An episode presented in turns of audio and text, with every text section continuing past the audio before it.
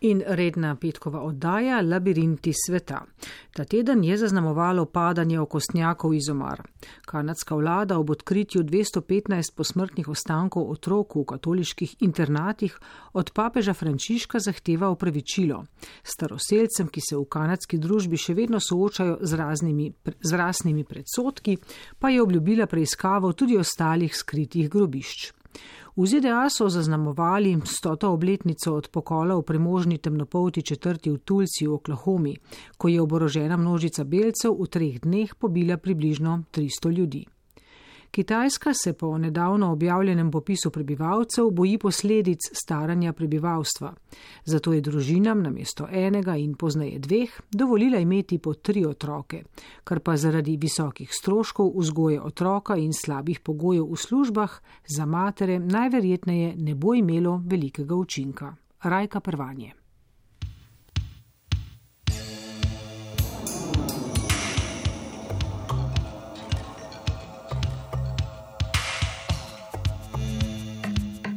Labirinti sveta.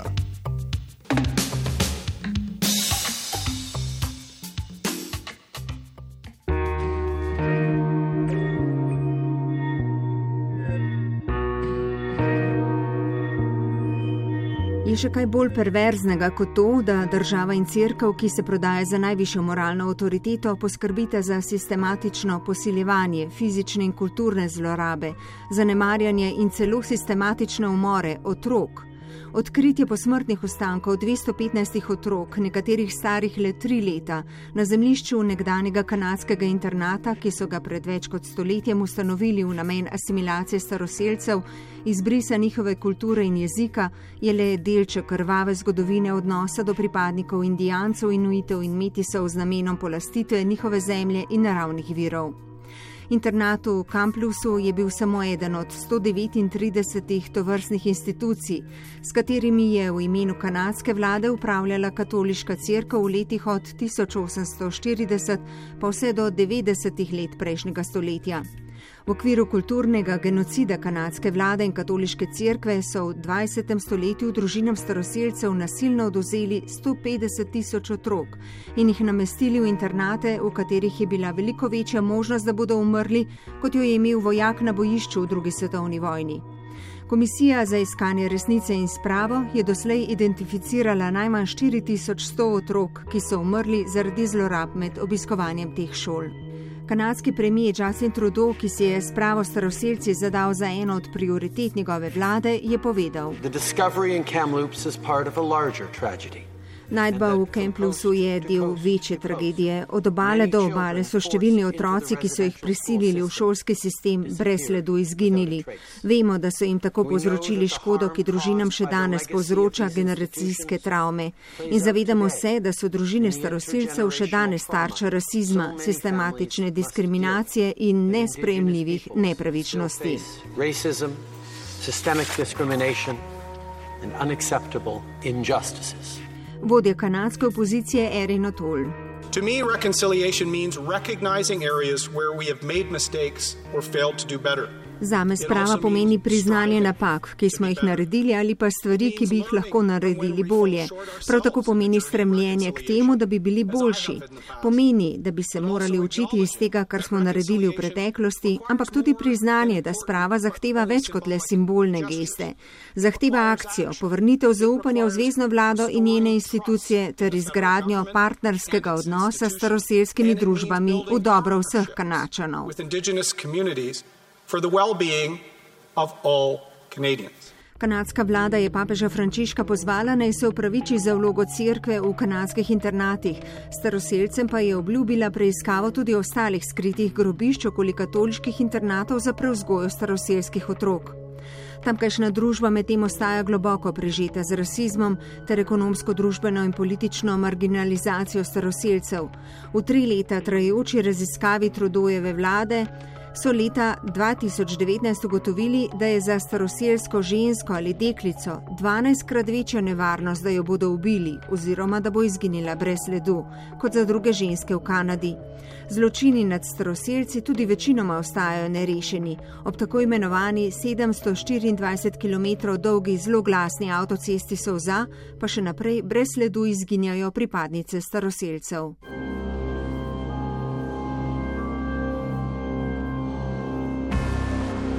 Papež Frančišek se na pobudo Kanade za zdaj še ni odzval, je pa Vatikan ta teden po dolgoletnih pritožbah žrtev spolnih zlorab obsežno dopolnil crkveni kazanski zakonik, po katerem bo duhovnik zaradi spolne zlorabe mladostnika ali odrasle osebe izgubil službo. Podobna kazen je zagrožena tudi za napeljevanje oseb, da se pornografsko izpostavijo ali sodelujejo pri pornografskem razkazovanju. Službo lahko izgubi tudi škof, ki o zlorabah ne bi poročal crkvenim oblastem vodja sekretarijata Papeškega sveta za zakonodajo Juan Ignacio Arieta. Il nuovo canone 1398 comprende a questo riguardo le azioni compiute non solo da parte di chierici. Poglavitna sprememba je, da je zloraba otroka zdaj označena kot kaznivo dejanje proti človekovemu dostojanstvu. Novi zakonik ne vključuje le dejanja, ki jih zagrešijo duhovniki, pač pa tudi laične osebe, ki opravljajo različne naloge v cerkvi. Papež Frančišek se že od začetka papeževanja leta 2013 poprijema škandali spolnih zlorab otrok, v katere so upleteni katoliški duhovniki po svetu. Leta 2019 je sklical vrh o spolnih zlorabah v katoliški cerkvi in med drugim odpravil pravila o tajnosti, ki so ovirala preiskave pedofilskih duhovnikov. Številni aktivisti med tem ustrajajo, da bi bilo treba narediti še veliko več. Rasizem pa ne previva le Kanade, pač pa tudi Združene države Amerike. Sto let mineva od enega najhujših primerov demonstracije ameriškega rasizma, ko se je množična tolpa oboroženih belcev odločila za izvensodno reševanje nedokazanega nasilja temnopoltega moškega nad belo žensko. V treh dneh pobijanja, ropanja in požiganja premožne temnopolte četrti Greenwood ob nemem opazovanju oklahomske garde so ubili približno 300 ljudi, 10 tisoč ljudi pa je ostalo brez brez domov. Ameriški predsednik Joe Biden je ob obisku Tulse zadnjim trem preživeli masakra povedal.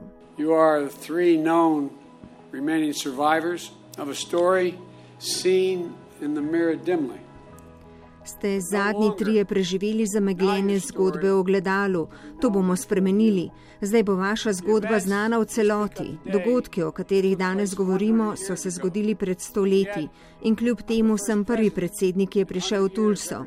To ni mišljeno kot kompliment zame, ampak v premislek. Sto let, da prvi predsednik na teh tleh prizna resnico, ki se je tu zgodila. In, in place, in ground, In medtem ko so Združene države Amerike vodilne v opozarjanju svojih tekmic ali sovražnic po svetu glede njihovega kršanja človekovih pravic, se tudi same poslužujejo podobnih tehnik zgodovinske amnezije. Potomka preživele žrtve masakra je povedala. Ko sem hodila na fakulteto in sem odgovarjala, da sem iz Tulse, so ljudje iz Los Angelesa, Chicaga in Detroita rekli: A ja, črnski Wall Street, rasno divjanje v Tulsi, meni pa je bilo nerodno, ker nisem imela pojma, o čem govorijo. Tako o tem pokolu nič ali zelo malo piše v šolskih učbenikih, ignoranca pa se nadaljuje tudi v sedanjosti. Oklahomski guverner Kevin Stitt je tako pred nekaj dnevi v šolah v tej zvezdni državi prepovedal predavati kritično rasno teorijo, čež da je, ironično, rasistična. Tudi ljudje na kitajskem malo ali nič ne vedo o poboju študentov na trgu nebeškega miru v Pekingu točno pred 32 leti. V noči iz 3. na 4. juni so vojaški tanki zapeljali v množico, ki je na trgu že več tednov zahtevala demokratizacijo države. Pri tem je bilo ubitih od več sto do več tisoč ljudi, kitajske oblasti pa so se potrudile dogodek izbrisati iz kolektivnega spomina. Obletnico dogodka so doslej na območju Kitajske obeleževali le v Hongkongu, kjer to prav tako postaja vse težje. Potem, ko so oblasti že drugo leto zapored v mestu prepovedale tradicionalni pohod, so aretirale eno od organizatork spominske slovesnosti. Po le treh dneh delovanja so ta teden zaprli edini muzej na kitajskih tleh v spomin dogodkom iz leta 1989. Predstavnik Hongkongške zveze za podporo demokraciji je povedal. V letošnjem letu bo zelo, zelo težko pripraviti množično komemoracijo, vendar pa lahko meščani individualno izberejo različne načine v različnih časovnih trenutkih in na različnih lokacijah obudijo spomin na dogodke.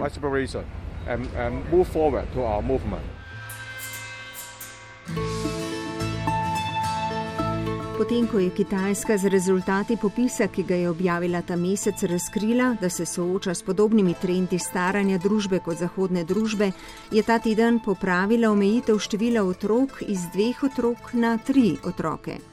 Politika enega otroka je na kitajskem veljala 37 let. Na to je Kitajska pred petimi leti to omejitev popravila na dva otroka in čeprav zdaj številne mlade Kitajke sploh nimajo več interesa po večjem številu otrok, se v poprečju rodijo 1,3 otroka, s čimer se je država približala rodnosti Japonske in Italije, se Peking ni odločil popolnoma odpovedati omejevanju.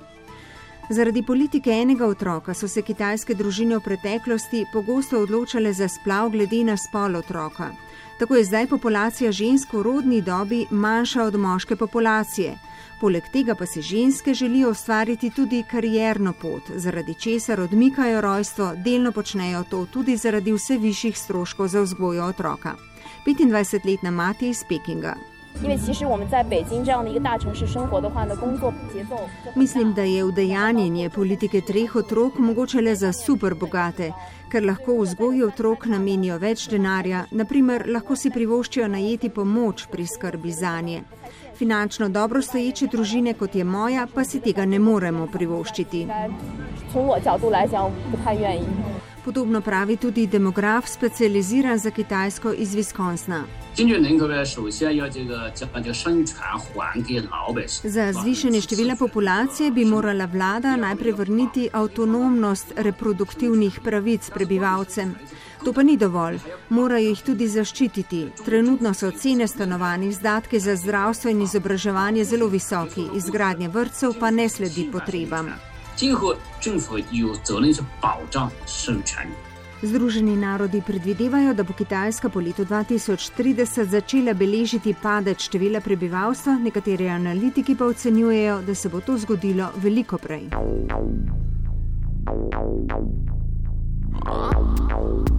Ta teden je odmevalo medijsko razkritje danskega nacionalnega radija v sodelovanju z drugimi prominentnimi tujimi mediji, da so Združene države Amerike od leta 2012 do 2014 s pomočjo danske obveščevalne službe vohunile za vodilnimi evropskimi politiki na švedskem, norveškem, v Franciji in Nemčiji, med drugim tudi za nemško kancerko Angelo Merkel.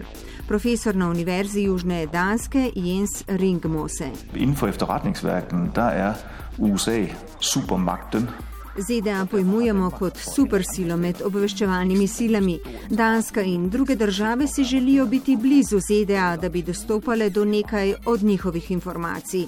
Gre za komplicirano igro med zaveznicami. Tako morajo Nemci, Švedi, Francozi in drugi javno izjaviti, da prijatelji ne vohunijo za prijatelji, pa čeprav vedo, da prijatelji to počnejo.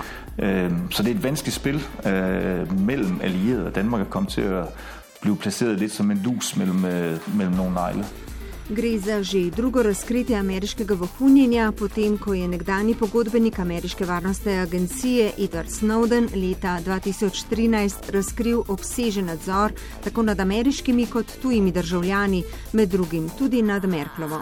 Snowden se je na tokratno razkritje humorno odzval prek Twitterja, češ kako da nas ni nihče posvaril o tem. Ameriškega predsednika Joea Bidna, ki je bil takrat podpredsednik, pa je obtožil globoke upletenosti v ta škandal. Države morajo prej ali slej razkriti svoje okostnjake, pa čeprav potem, ko so njihovi protagonisti in izvajalci že podrušo. Travme žrtev se medtem še naprej prenašajo pri generaciji. Načeloma je tudi upravičilo vnukom in pravnukom žrtev smiselno, vendar le, če pri tem ne gre le za kozmetično upravičila in popravke krivic, brez konkretnega reza v probleme.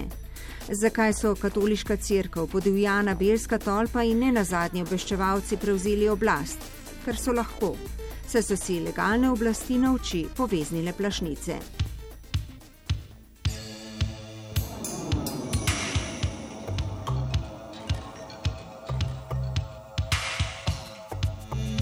To so bili Labirinti sveta.